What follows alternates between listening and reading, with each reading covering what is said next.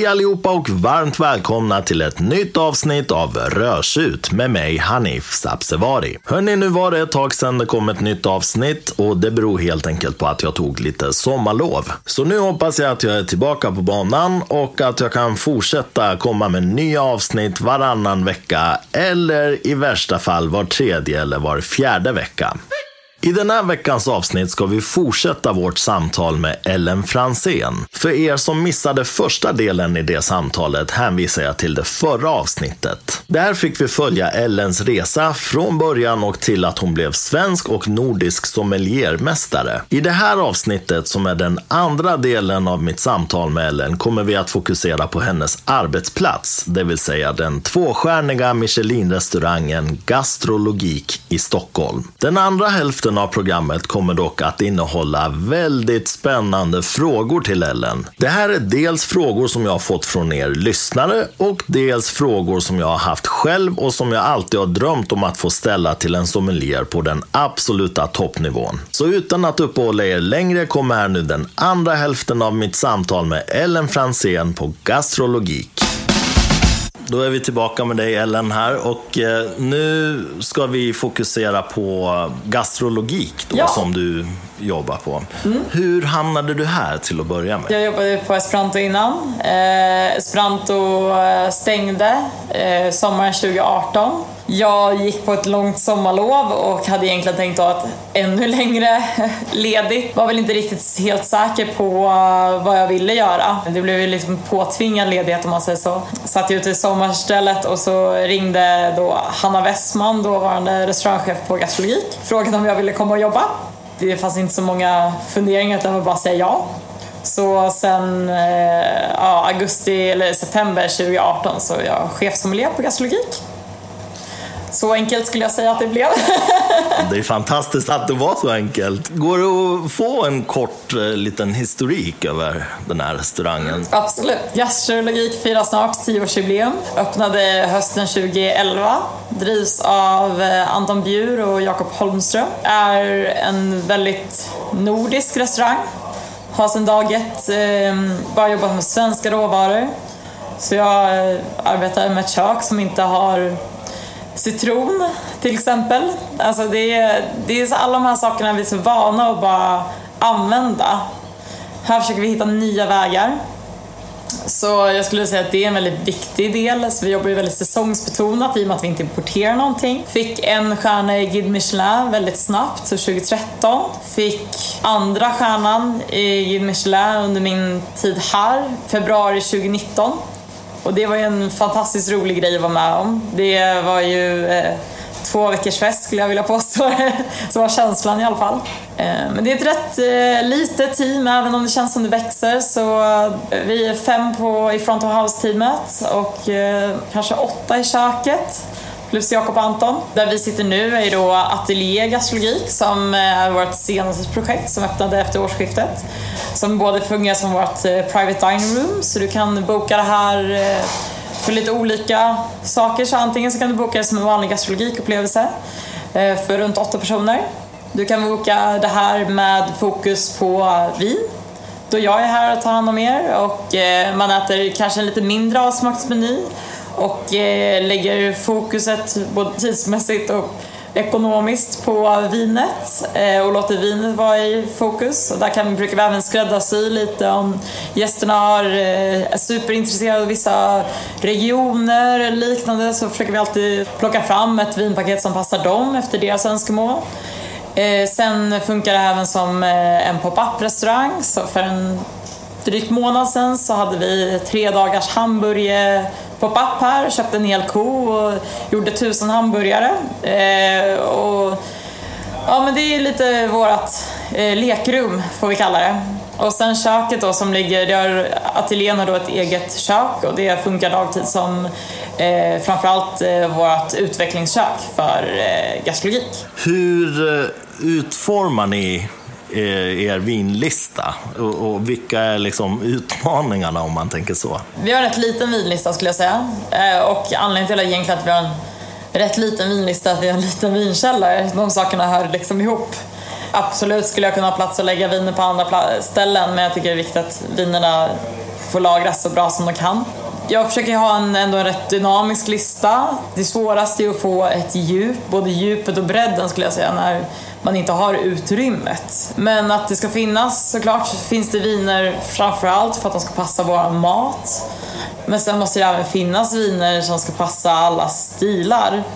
Att försöka ha viner, jag kan inte bara välja viner som jag tycker är goda utan jag måste ha viner som jag vet våra gäster efterfrågar och ja, vill du ha ett superkraftigt rödvin så ska det finnas, även om det kanske inte är det som passar bäst till maten. Sen har vi valt att jobba med hela världen när det gäller eh, vinet, så ja, försöker täcka in allt försöker bygga lite på den svenska listan, vilket känns extra kul i och med att det är verkligen där vårt hjärta finns. Så nu är inne på gastronomik, så enda rosén jag serverar på glas svensk rosé. Det känns också väldigt roligt att få lyfta fram det som också blir bättre och bättre. Ni har en vinkällare nämnde du ju nu. Mm. Vad är förhållandena där? Hur mycket flaskor får ni plats där? Och är, är det liksom perfekta förhållanden med luftfuktighet? Och... Ja, men absolut. Källaren håller väldigt bra. Den ligger på 12,3 grader skador om jag inte springer för mycket.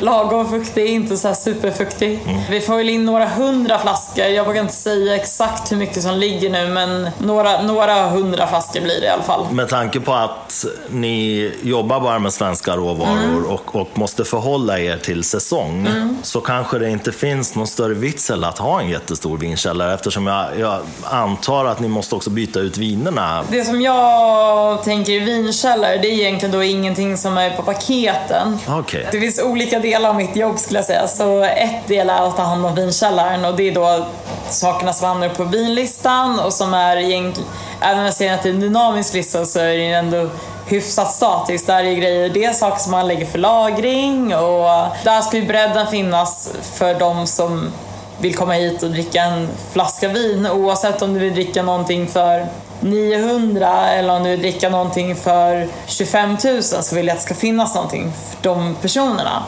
Eh, så det är vinkällarförvaltningen skulle jag säga är en del. Sen arbetar vi också med dryckespaket som är egentligen en väldigt stor del hos oss. Eh, där vi har två olika nivåer på paketen. Och de blir ju, ehm, där såklart så är ju, där är det absolut viktigast att vinerna ska passa maten. Eh, och när, när vi pratar i paketen så tycker jag också att det är viktigt att man försöker visa upp ibland lite saker som kanske inte är helt självklara. Att vi också hittar länder utanför Frankrike. Det blir väldigt lätt att man ramlar in i det. Där har man ju lyxen att tvinga på gästerna någonting som de kanske själva inte skulle ha valt, om vi får säga det hårt.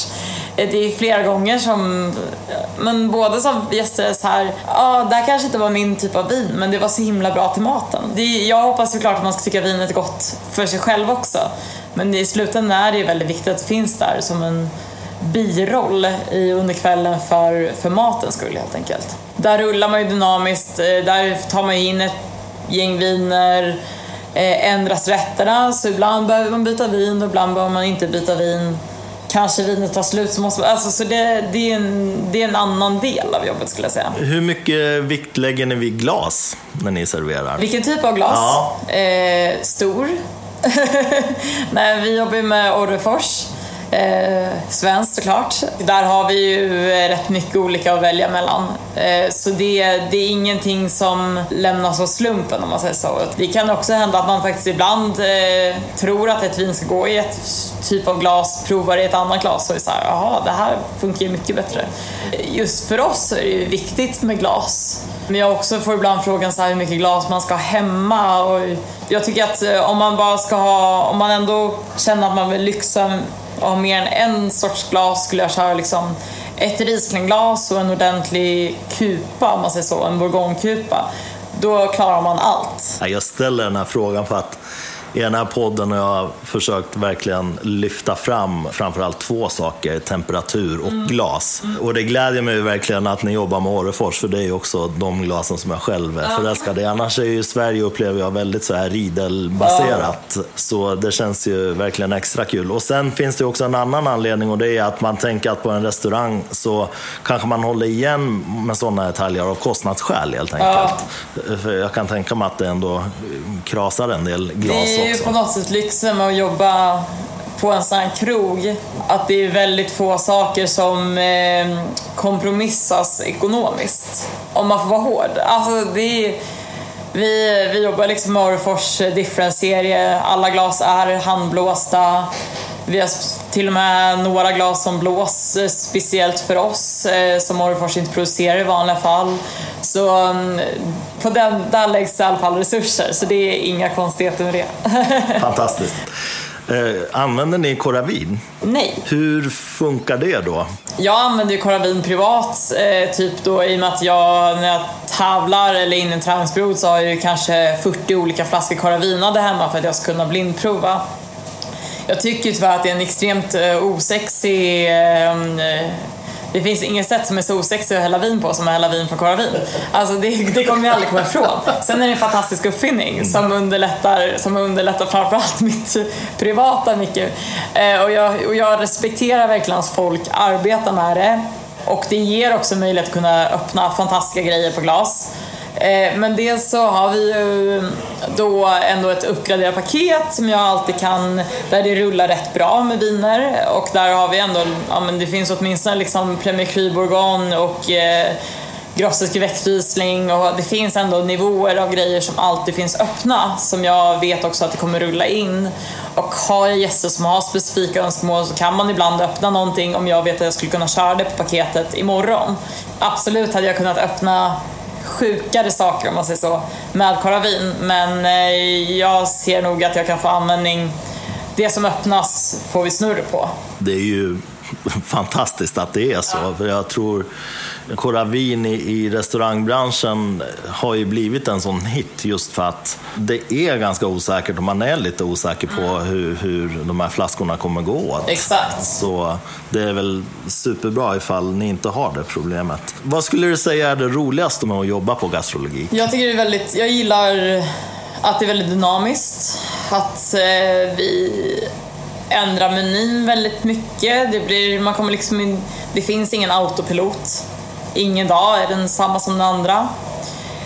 Jag tycker det är väldigt eh, härligt att jobba med team som tycker, som tycker att det här är så himla viktigt. Alltså på något sätt så. Det är, det är ingen som är här för att betala hyran utan man är här för att man vill vara här, för att man drivs av det här, för att man tycker det är kul.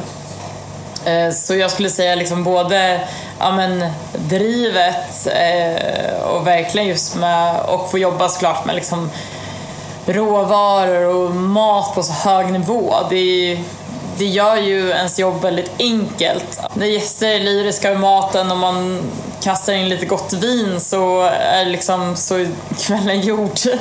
Eh, så på så sätt, det, ja, men jag skulle säga nog att det är det roligaste. Är det någon väntetid för att komma hit och äta? Hur funkar det? Pandemin har gjort att det har varit enklare att få bord här än någonsin skulle jag säga. Alltså vi pratar om förra året har varit. Nu ser vi hur det börjar boka på och helg, alltså har man har man specifika datum och framförallt fredagar och lördagar om man kommer, då får man ju vara ute i åtminstone, kan jag säga, två, tre veckors tid. Eh, men förut kunde vi se liksom innan hur man kanske behövde vara ute i en månad för vilken dag, för vilken veckodag som helst. Men nu kan man nog ändå, om man är väldigt flexibel med både tid och dag, då tror jag att man skulle kunna lösa bord på några vecka. Mm. Kanske två. det är ju otroligt snabbt för att vara en, ja. ett ställe på den här säga, nivån. Jag vet inte om jag ska säga att det är tack vare eller på grund av eh, att vi fortfarande är kvar lite i en pandemi. Det här med Michelinstjärnor, mm. hur svårt är det att få en sån och hur svårt är det framförallt att få behålla en sån? Eh, jag skulle påstå att det är svårare att få den än att behålla den. Och framförallt måste man nog också förstå hur svårt det är att gå från en till två. Det är supersvårt. Eh, så, men när de väl ger ut stjärnor så är de ju rätt säkra på att det här är ett ställe som kommer, som kommer hålla den här nivån. Ja men det finns, ska, finns ju en säkerhet. Så, sen är det klart att man hela tiden måste leverera och vara på den nivån de vill att man ska vara. Men eh, de, det är inte så att de, framförallt i Norden, det är inte precis så att de strösslar med stjärnorna utan de ger dem till de ställena som de anser är värda dem såklart men också kommer behålla dem. Men sen är det ett stort steg upp till andra stjärnan. Och hur tänker ni kring en tredje stjärna? Är det en ambition? Är det ett mål? Målet är hela tiden att bli bättre på det vi gör. Om det leder till en tredje stjärna, ja men då är det ju fantastiskt. Men jag tror att vårt eh, nära mål är hela tiden bara utvecklas och bli, och bli bättre. När jag tänker på Michelin-stjärnor eller mm. Michelin-restauranger, då jag tror att den allmänna uppfattningen är att det är väldigt matbaserat. Då. Mm. Hur stor del skulle du säga att vinet har? Officiellt eh, så har ju vinet egentligen ingenting med stjärnan att göra. Officiellt så är det bara det som ligger på tallriken. Eh, sen finns det diskussioner om kanske miljön spelar in och liknande men enligt Guide Michelin så handlar stjärnorna enbart om det som hamnar på tallriken. Men då är ju den allmänna uppfattningen korrekt då kan man Exakt. säga.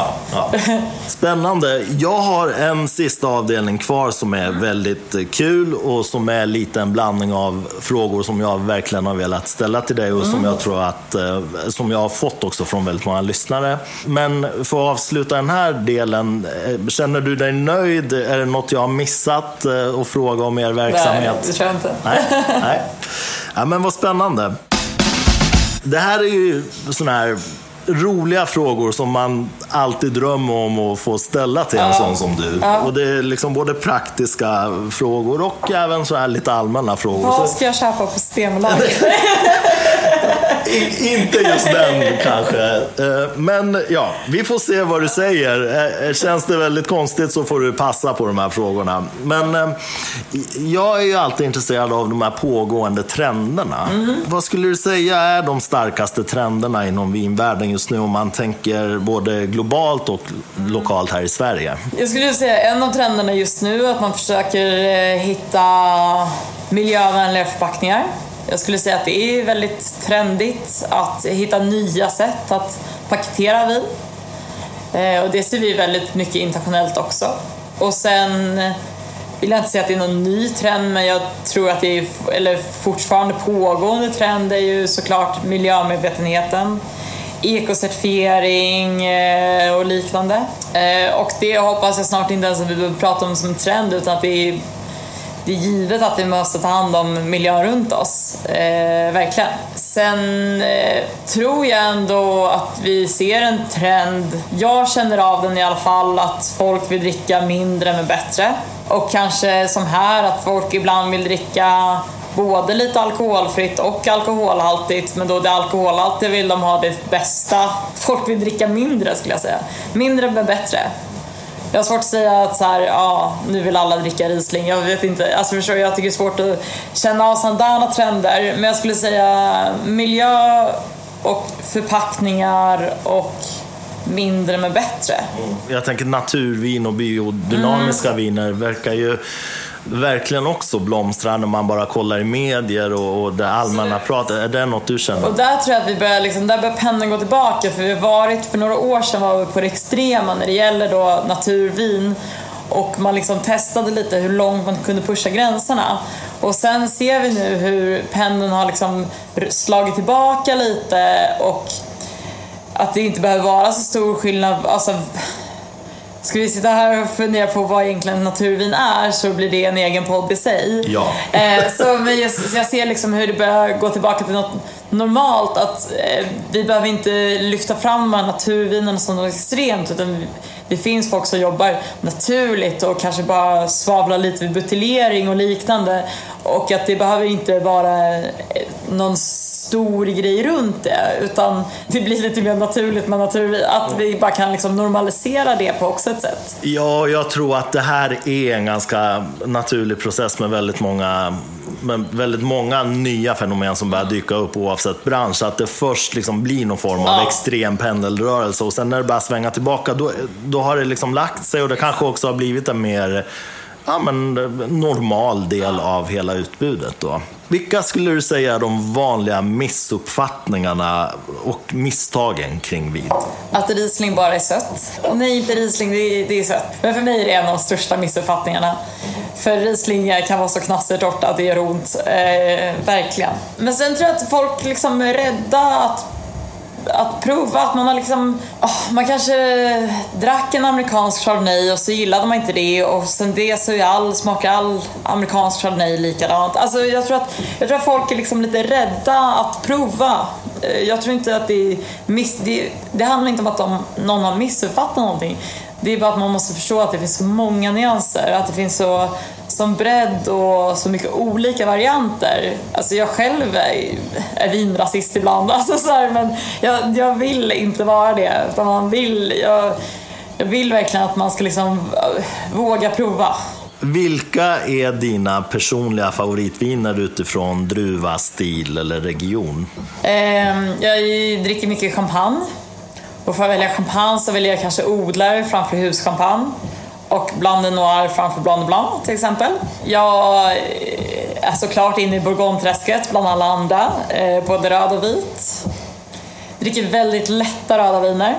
Jag tror att det både har att göra med liksom, att det är gastronomin här, att man är så van med det, att, man, att jag gillar generellt kanske lite mer elegantare mat. Att det är, och jag också verkligen uppskattning av att kanske hellre dricka något väldigt lätt och syradrivet rött vin till en ordentlig köttbit och egentligen istället för att jobba med liksom syra mot fettet istället för att man måste ha det här stora och tunga och jobba med tanniner mot fettet till exempel. Eh, så jag skulle säga lätta röda. Eh, sen om det är Pinot Noir eller Trousseau eller liksom så, det är, eller Beaujolais, det är liksom, eller Gamay, det, det, är, det är olika. Tycker det är gott med både fatade vita chardonnayer och krispig Riesling. Jag, jag vill säga att jag är alldrickare. Det finns säkert jättemånga saker som folk kommer att ja men du vill inte dricka det här men... Finns det någon typ av vin som du inte gillar? att dricka, ja men privat. Retsina kanske. Ibland får man vissa viner som har en viss smakprofil. Och så kommer man liksom aldrig komma, komma kom, kunna komma förbi det.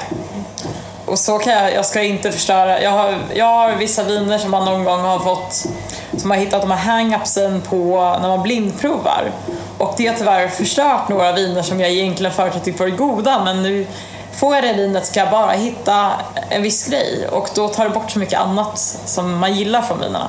Sen dricker jag som sagt inte så ofta kraftiga röda.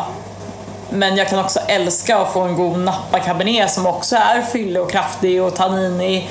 Men det måste ha lite med sitt sammanhang. Det är ingenting som jag poppar själv så här på fredagskvällen. Den här frågan ställer jag lite också för att jag själv tycker att den är omöjlig att svara ja. på. För att det är klart att det finns viner som inte håller kanske tillräckligt hög kvalitet, men det finns egentligen inte så mycket dåliga viner efter en, när man kommer upp på en viss nivå. Exakt. Utan det handlar ju bara om tillfälle och vilket humör man är på, vilken mat man ska kombinera det med och, och vad det är för väder ute. Ja, men det är ju så mycket som, som styr vad man är Absolut. sugen på och vad som passar. Det här är ju en sån här typisk klassisk fråga. Ja.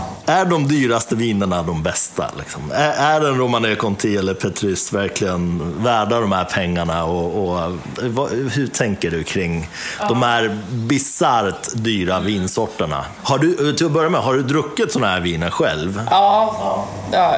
Petrus har jag inte druckit. Nej. Men jag har haft lyxen att få dricka alltså, Metal och Lafitte och liknande. Jag har både ja, men, druckit en del DRC och eh, Compte Chabelaire och så eh, absolut. Och det, det har jag ju haft lyxen att få göra eh, men väldigt sällan behövt betala det, om man får vara så.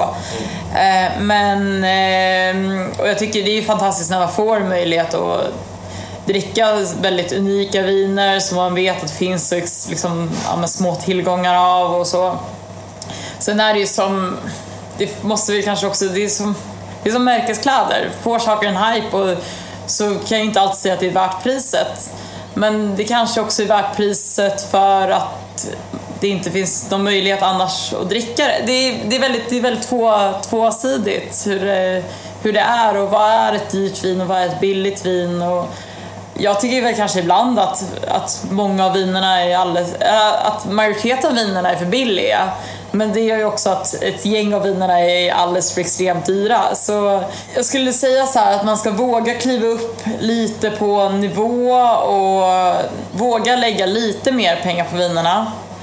Men sen behöver man inte smacka på och köpa vin för 20 000. Om man inte är van provare så tror jag det är svårt att förstå varför 20 000 kronor, det tycker till och med jag ibland, att vad är skillnaden på ett vin för 10 000 och vad är skillnaden för ett vin för 20 000? Är det värt dubbelt så mycket? Det är svårt att säga. Får de blinda så skulle inte jag säga att det är något enkelt uttryck. Sen kan man ju alltid få ett vin blint och känna såhär wow, det är ett stort vin, där är bra mark, där är är lyxigt, allt är på plats, man, man känner kvaliteten. Men är den kvaliteten 4 000 eller 40 000? Det kan jag säga att, att jag har svårt att säga.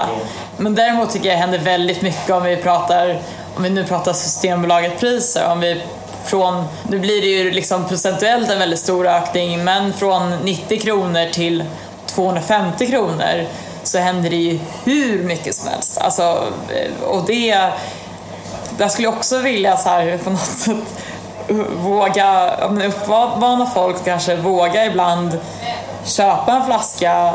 Är du på krogen så kostar det alla viner nu är det såklart skillnad vilka städer vi bor i. Det är väldigt svårt att hitta ett vin på krogen för under 500 kronor. Men jag tror att de som köper vin på krogen för 500 kronor väldigt sällan, kanske aldrig, har köpt ett vin på Systembolaget för 500 kronor. Och då är det så här, okej okay, jag har Systembolaget för 500 kronor. Det, kostar, det är ett vin på krogen för 2000 kronor. Kanske att man någon dag dricker den där ölen till middagen istället och går till Systembolaget och köper då en flaska vin för 450 kronor så, och får en jätteupplevelse. Sen är det ju lyxen på krogen att du kan få möjlighet att få viner som har då lagrats som du är mycket svårare att få tag i som privat.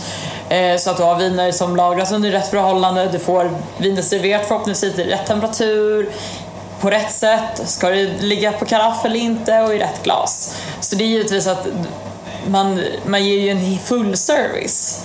Jag hoppas att man tycker att det är värt det, annars måste jag hitta en ny bransch.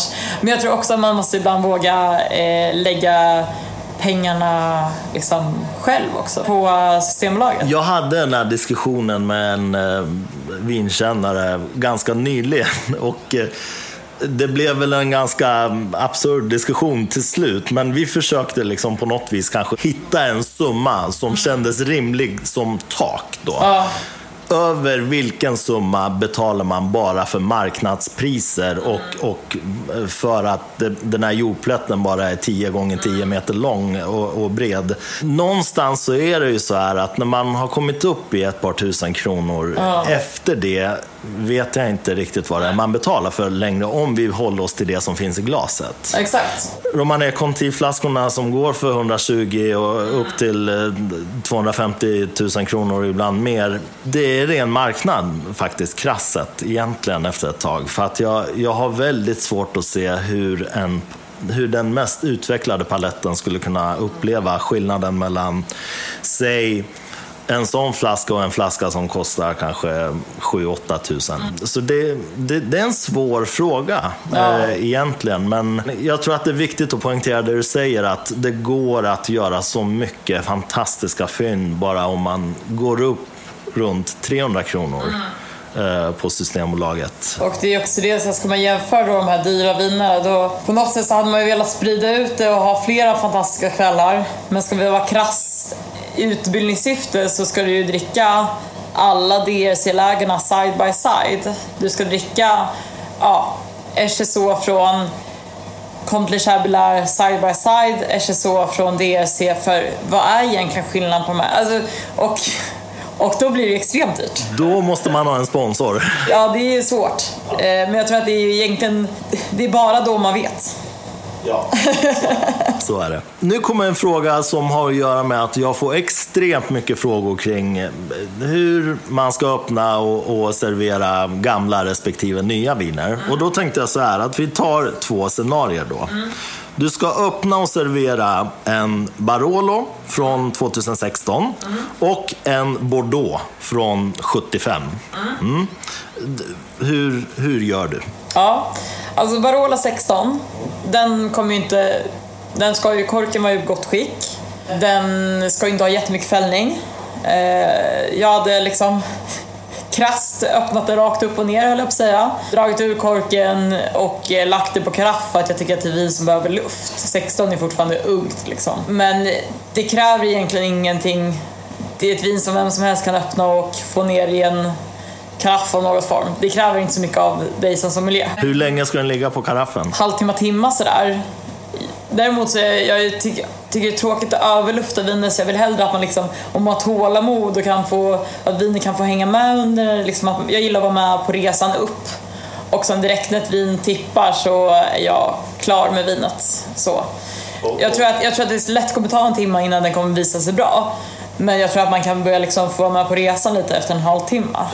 Får jag fråga också temperatur? 16 grader ungefär. Eh, och stor kupa i glas om det finns möjlighet. 70-talsbordeauxen där, den är lite kinkigare. Eh, framförallt så räknar vi att vi har mycket fällning i den. Vi kan ha en kork som är dålig. Det här handlar ju också allt om hur den har legat. Här är också frågan, har man möjlighet att ha vagga eller inte? Det vill säga en sån här korg som man kan öppna vinet i. Eh, som privatperson så har man väldigt sällan en sån. Så där får man göra förberedelser liksom en dag innan skulle jag säga, om man då har tidsmässig möjlighet att ställa flaskan upp, för jag hoppas att den har legat ner under lagring. Så att man ställer flaskan upp så att flaskan har ett dygn på sig att få liksom, sedimentet att sätta sig ner i botten av flaskan så vi slipper ha så mycket av det i glaset. Sen eh, har man möjlighet att kunna jobba med en bladöppnare eller en durandöppnare så kommer ju det vara mycket enklare. Du kan ju ha en bra kork som du kan lyckas dra på en vanlig flaska men det är också stor, eller med en vanlig öppnare men det är, det är en större risk att du smular korken. Så har du tillgång till en bladöppnare eh, så tycker jag att du ska använda det. Är man inte van att öppna en bladöppnare tycker jag också att man ska, om man har en och kanske har, spara, har en bladöppnare för att man ska öppna de här svåra flaskorna, så tycker jag att man behöver även träna på att använda sin bladöppnare. När jag började jobba med det så hade jag under liksom en vecka öppnade alla mina viner på jobbet med bladöppnare. Det tar lite längre tid men då man lär sig hitta hur man ska arbeta med den. Jag tror att, och, och det måste du ha när du plötsligt ska öppna den jobbiga korken. Då kan du inte vara ny med ditt verktyg. Det är som min vanliga öppnare. Jag, jag, får jag en, en vanlig öppnare, eller liksom en öppnare i handen som inte är den som jag alltid jobbar med så tycker jag det är jättesvårt. Eller nu tar jag i, men jag, man är så inarbetad. Det är som kockarna och deras knivar. Alltså lägga lite pengar på en öppnare och du får någonting du verkligen gillar, det är viktigt. Men då, bordeauxen då så får du ju liksom ja, när du väl fått du får ut korken på oavsett hur du använder den så handlar det också om att du ska hälla över den. Du, den här kommer du vilja hälla på karaff framförallt för att bli av med, med allt sediment. Och att man då gör en korrekt dekantering med ett ljus under så du ser när du, liksom allt sediment kommer. Eh, jag skulle säga att det är det viktigaste. Sen är det här ett vin som jag inte skulle hälla på karaff och glömma bort i en timma utan jag skulle verkligen, det här är ju troligtvis ett speciellt moment om man ändå får säga det när man öppnar en äldre flaska och där vill jag vara med hela tiden så att säga. Jag vill vara med hela resan. Plötsligt så hittar man de här, eh, det är mycket svårare att veta exakt var fönstret befinner sig för det här har fått lagra i så länge tid så man vet inte exakt hur det har legat och alla viner är väldigt individuella och så. Så där, där skulle jag liksom vara, ja, vara med på resan från från första stund helt enkelt. Och, och serveringstemperatur? Eh, ja, sam, nästan lika skulle jag säga. Alltså kanske gå upp någon grad. Men hålla hellre lite svalt än lite, lite varmt och ofta brukar det också lätt gå fortare att få upp vinerna i temperaturen och få ner vinerna. Jag brukar ju göra så här, jag vet inte om det här är helt galet, för jag dricker ju mycket äldre viner då. Mm. och kan också berätta att jag öppnar alla flaskor med bladöppnare, precis som du säger. För att när man väl har börjat med det så kan man inte låta bli. Det, det, känns liksom skönare, jag tycker man har mer kontroll och jag öppnar även nyare flaskor med bladöppnare. Men jag brukar göra så här, jag häller över dem på karaff just för att bli av med fällningen då. Sen sköljer jag ur flaskan. Ja, och, så och sen ja, jag dubbeldekanterar och sen på med kork så det ja. bara vet att det inte kommer in någon Nej. luft. Är det en bra idé? Är, det, är det bra att göra så? Alltså det tycker jag. Du får, på något sätt så släpper du in lite, i och med att det blir en dubbeldekantering så får du mer luft från början. Men så får du mindre luft efteråt. Mm. Jag tycker absolut inte att det är en dålig idé att göra. Liksom. Skönt. Då, då kan jag fortsätta med den proceduren. Vilka är dina favoritsmakkombinationer om du tänker mat och vin?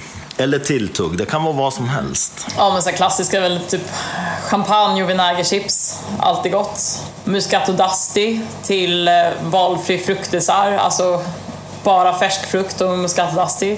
Muscat är också min eh, guilty pleasure-vin om man undrar. Eh, älskar Muscat d'Asti. Kan dricka eh, det i stort glas med is utan att skämmas. Kanske skäms lite. Eh, jag vet inte, jag har ingen, jag har ingen så här, oh, jag dricker alltid det här.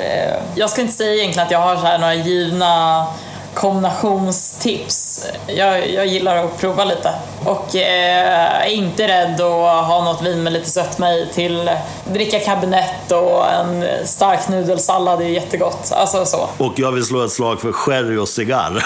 Ja. jag, är nog, jag är nog Madeira och cigarr, men det, det, funkar samma. också. Det funkar också. Ja. Um, vad dricker du helst själv precis just nu? Ja, vi är nog tillbaka till champagne faktiskt. Ja. Kanske roséchampagne idag. Eh, det tycker jag också är väldigt gott. Och den absolut sista frågan. Ja. Om du får välja ett vin, det godaste du någonsin har druckit. Är det någon som någonsin kunnat svara på det här?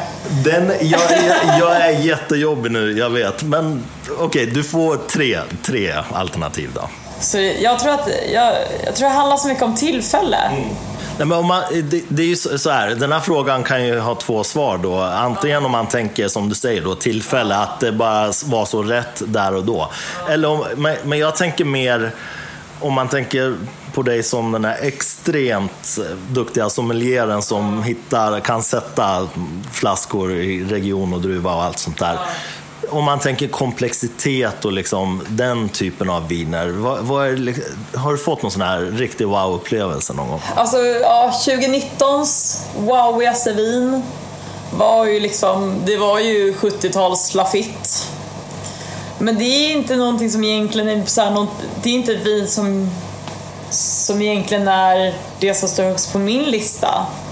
Det var mer bara att det det var väldigt, det var väldigt fantastiskt vin. För någon helg sedan så hade vi en, ja, men en superhärlig söndag och avrundade med en flaska Comte Leger HSO 14 som var också helt magisk. Möjlighet att dricka Salon från mitt födelseår. Men sen har det också varit de här tillfällena när man eh, liksom druckit, var i Paris och man drack eh, Domain Rouleau eh, ur plastmuggar. Alltså, och som var... Men jag tycker det är svårt att säga så här. Jag tycker det är väldigt... Jag brukar ändå så efter året säga okej, okay, vad var årets vin? Men på grund av att jag 2019 hade då Lafitte som årets vin är nog egentligen en anledning till att jag kommer ihåg det vinet idag. Att man liksom måste ju alltid göra den här årsrecapen på något sätt för att kunna för att sätta det. Men det är svårt att säga vad som är det godaste jag någonsin druckit faktiskt. Mm. Det får bli det sista svaret. Dåligt sista svar. Nej, det är det faktiskt inte. För det visar också hur extremt komplext och svårt det är med vin. Och efter en viss nivå så så finns det bara tillfällen och vilket humör man är på och eh, mycket annat som styr. Tusen tack för att du tog dig tid. Verkligen eh, fantastiskt att få höra om din resa. Och jag önskar dig all lycka nu eh, i framtiden. Det ska bli väldigt spännande att följa dig. Jag hoppas att vi kanske kan göra en ny intervju om några år. Få se ja. var du står där och då. Tusen tack Ellen. Tack så mycket. Tusen tack.